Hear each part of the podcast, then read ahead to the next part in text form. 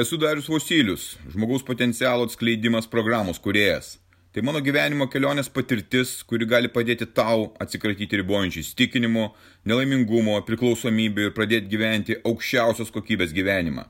Registruokis pokalbiui dariusvosilius.lt ir pradėk šiandien savo pokyčius.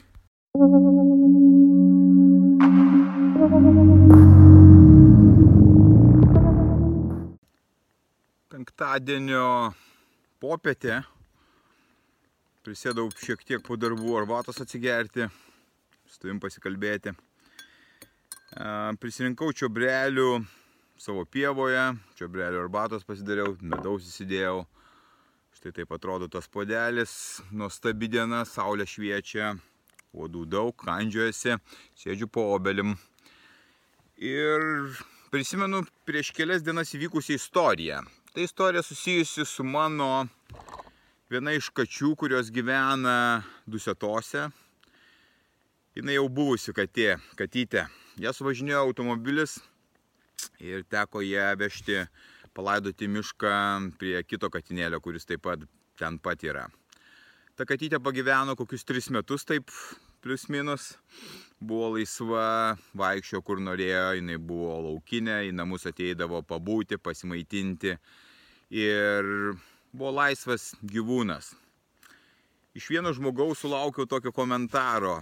Tai vietoj to, kad pasakytų, o gaila labai, tai kaip čia dabar sako, jūs neprisižiūrėjote tos katės. Tai jinai turėjo būti uždaryta namuose, kaip tu sakau, namuose gi laisvas gyvūnas, jisai vaikšto, pažįsta gamtą, medžioja paukštelius, pelytes ir taip kaip sutverta. Ne, tu turėjai pasirūpinti, kad tas gyvūnas, ta katė būtų namuose uždaryta, kad jinai saugiai būtų namuose, tada neišeitų į kelią ir nebūtų suvažinėta. Bet sakau, tai yra nelaisvė. Ir aš niekada nelinkiu nei tau, nei toms katėms, nei savo tokios nelaisvės. Kai viena diena laisvėje net neprilyksta visam gyvenimui nelaisvėje. Kai nelaisvė yra soti ir saliginai saugi.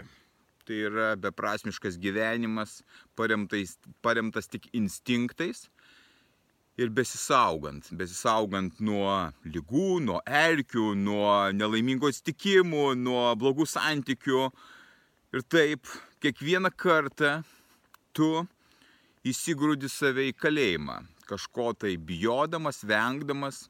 Labai įdomu, kad veždamas kitą katytę, kuri pas mane atklydo pusiau akla, iš laukų, iš miškų, kurią aš priglaudžiau ir kurią dabar rūpinosi, buvau išvykęs, ją rūpinosi veterinarijos gydyklą, aš ją dabar pasiemiau prieš porą dienų, vos, vos pavyko ją mums įdėti tą dėžę, kuri transportuojama E, katytės vežamos ir jinai tą visą kelią, kai aš važiavau iš Utenos link šitos sodybos, jinai bandė iš ten ištrūkti, iš tos nelaisvės, iš tos dėžės.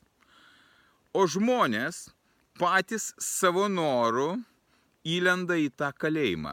Į tą kalėjimą, kuris yra čia galvoje, susikurtas kalėjimas. Per tai susikūriama istorijos, kodėl nereikėtų gyventi, kodėl reikėtų vengti to gyvenimo ir gyvenama kančioje. Daugybė turtingų žmonių pasidaro tokius kalėjimus, iš kurių negali ištrūkti. Jie kovoja už tą šimtą tūkstančių dar papildomų, už tą dar vieną milijoną, nes kitaip jie nesijaus saugus, kitaip jie neturės jokios vertės. Ir jie sukasi tame nepasitenkinimo, streso, bėgimo rate, dar kovodami už skaičius kad tie skaičiai galėtų patenkinti sekančią užgaidą. Tie pinigai dažniausiai skiriami pirkti daiktams, prabangioms kelionėms, automobiliams, nekilnojamam turtum, viskam, bet gyvenimui ar saviugdai pinigų tam niekas neskiria, visi skiria savo kalėjimų. Jie pasidaro savo kalėjimą iš tų pinigų, bet jaučiasi labai pasipūtę prieš kitus, kurie gerokai mažiau turi. Jie kenčia, bet jie mano, kad jie daug, daug aukštesni už kitus, jie turi teisę juos niekinti, su jais bet kaip elgtis, nes jie turi labai daug pinigų, nors yra patys absoliutus nevykėliai gyvenime, nors ir turi krūvas tų pinigų. Jie įsigrūda tie turtingi žmonės save į tuos kalėjimus, pasidarydami tokį gyvenimą, kuris atrodo, kad tik tai taip ir turi suktis. Čia ir yra visa prasme. Dar vienus metus pavaryti, dar penkis metus pavaryti, tada verslą parduosiu, o kas tada? Margaritos paplūdimyje ir po pusės metų su ištinusiais kepenimis vaikščiosi, kas tada? Neturi niekas fantazijos ir įsivaizdavimo, o gal aš tada tą darysiu tą, tai tu dabar tai daryk. Ir niekas to nedaro, nes kalėjimas galvoje sukurtas, kad dabar aš turiu čia daryti tik tai tai, tai aš praeisiu per tą kančią. Ir visi atsiduria arba ant mirties lenkščio, arba susigadinę sveikatas savo narkotikais, su alkoholiu, su, su tuo pykčiu, su tuo nepasitenkinimu, su ta įtampa ir stresu, organizmas stringa. Maistas, kuris valgomas tuo metu, kai kovojama už dar vieną milijoną, yra atlikos. Ir žmonės nesuveda galų, kad jie pasidaro tą kalėjimą savo patys tokiom aplinkybėm. Tai lygiai tas pats vyksta ir su žmonėmis, kurie neturi pinigų. Jie neturi pinigų, jie sėdi tam skurde ir tam varge ir nesugeba išlysti iš to rato, nes jaučiasi nesaugus. Jie saugiai gyvena už tą minimalų atlyginimą ir nesijama jokių ryštingų veiksmų, kad pakeisti savo gyvenimą ar savo likimą. Apriboti galvoje nežinodami, ką daryti, ką reikėtų išmokti, kaip pakeisti tą savo likimą. Ir vėlgi kalėjimas tas kalėjimas atveda prie įprastų suvokiamų dalykų. Tai yra vakare pasižiūrėti kažką tai ekrane, bet kokiame ekrane, praleisti ten savo brangų gyvenimo laiką, pavalgyti kažkokį tai skanų maistą, kuris yra nuodas, kuris yra dopaminas, kuris leidžia tau šiek tiek pajausti pasitenkinimo šitam gyvenime. Tada išgerti alaus su draugais, taip nuskandinant savo realybę Ir tas kalėjimas sukasi kiekvieną dieną toliau, nes išėjimo iš jo nėra. Labai toks įdomus psichologinis momentas gaunasi, kad lyg tai daugiau ir nebesimato, kad galėtų kažkas kitaip būti. Tu matai kitų pavyzdžius, bet atrodo tau, kad tu to negali. Tu susikūrėjai savo kalėjimą, savo ribas, va štai yra tokios sienos ir savo norų ten esi. Labai daug žmonių savo norų gyvena saugų, patogų gyvenimą saliginai patogų gyvenimą, aš net gyvenimu nevadinu, kur dirba korporacijose, kuriuose gauna atlyginimą, kuriuose yra žaidimų kambariai, kartais ir sporto salės, kad jie kuo daugiau laiko praleistų tenais tuose darbuose. Ir jie taip gyvena, nesiekdami nieko, neturėdami energijos, nelaimingi, bet įsivaizduojantis jie, kad kažkokią tai vertę galbūt kūrė gyvenime, bet iš tikrųjų neturi jokio pasitenkinimo ir džiugesio. Kalėjimas valdo. Taigi santykiai, kuriuos tu turi, jie būna toksiški. Beveik pas visus, su kuriuo santykiai yra toksiški. Ir visi vėl susikūrė savo kalėjimus, kenčia, ne, aš turiu taip gyventi, čia man taip reikia, čia taip atsitiko ir dabar bus taip, aš nekesiu tavęs, tu nekesi manęs, bet mes čia kažkaip tą šeimą vaidinsime ar santykius vaidinsime. Ir vėl visi atsidūrė savo kalėjimuose, kurie sukurti galvoje. Niekas nedaro žingsnių, tokių, kurie būtų pozityviai nusiteikę. Ne tai, kad žingsniai, bet žmonės būtų pozityviai nusiteikę spręsti tą situaciją. Atrodo, kad reikia kentėti, atrodo, kad reikia būti tame kalėjime ir taip gyventi.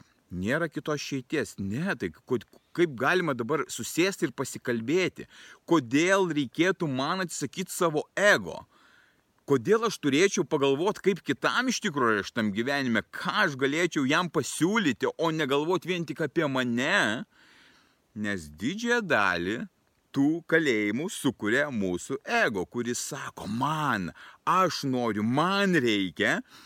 Ir įdeda į tas ribas, į tas apribojimus, į tą kalėjimą, nes kalėjimas yra ribos, apibriešta dėžutė ir sako, viskas, tu čia nais tik esi, tu kovok tik tai dėl savo ego, dėl savęs tik tai kovok, stenkis tai daryti ir tau nusišvilpti ant kitų žmonių, ant kitų santykių, tau skauda, tau blogai.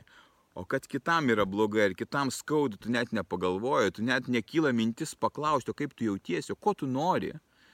Tai tie kalėjimai sukurti tuose galvose, veda į pražūtį. Visur, kiekvienam žingsnė, tas kalėjimas yra susijęs su bet kuo. Su mytyba, su išvaizda.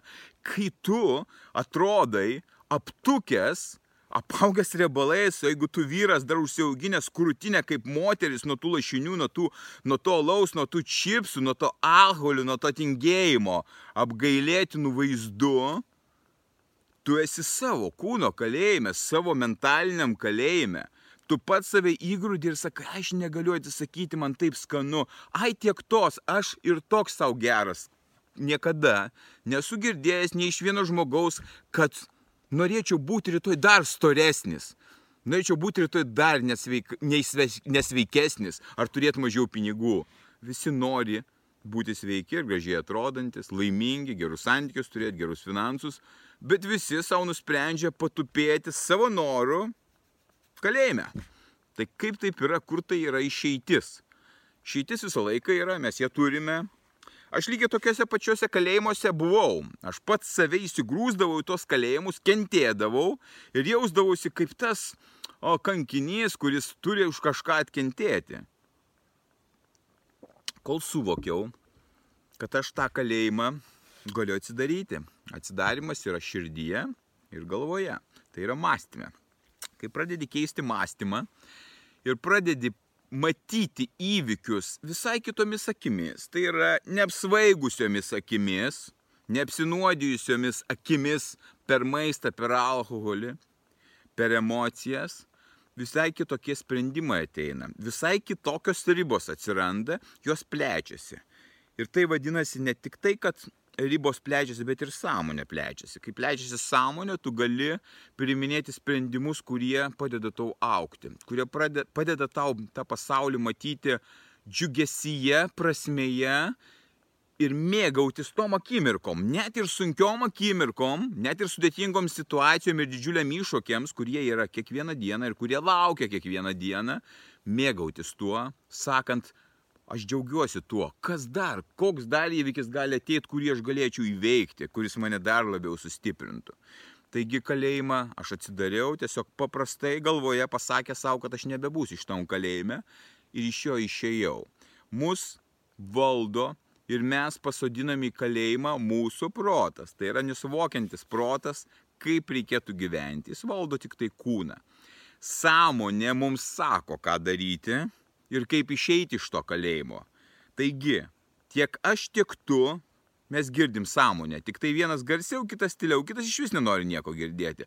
Ir tu kiekvieną rytą atsikėlęs gali išgirsti tą savo sąmonės balsą, kuris sako, ką tu darai, kodėl taip gyveni, kodėl tu vakar tiek prisigėrei, kodėl tu vakar taip elgėsi, kodėl tu buvai toks agresyvus, kas tau yra, tugi žinai, kad tau reikia kitaip pradėti gyventi, kodėl tu toks skurde gyvenantis, kodėl tu neišmoksti kažko ir neskiri tam energijos, kad pakeistum savo likimą, kodėl tu žiūri tą teliką, guli prie, fo, prie savo to ekrano vietoj to, kad mokytumsi.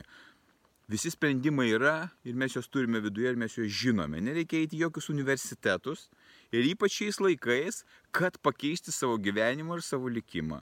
Atsidaryk savo kalėjimą, į kurį pats atsidūrė ir pats pasodinai save galvoje. Pradėk mąstyti kitaip ir pradėk, pradėk veikti kitaip. Ir pamatysi, kokie pokyčiai vyksta tavo gyvenime. Būk stiprus.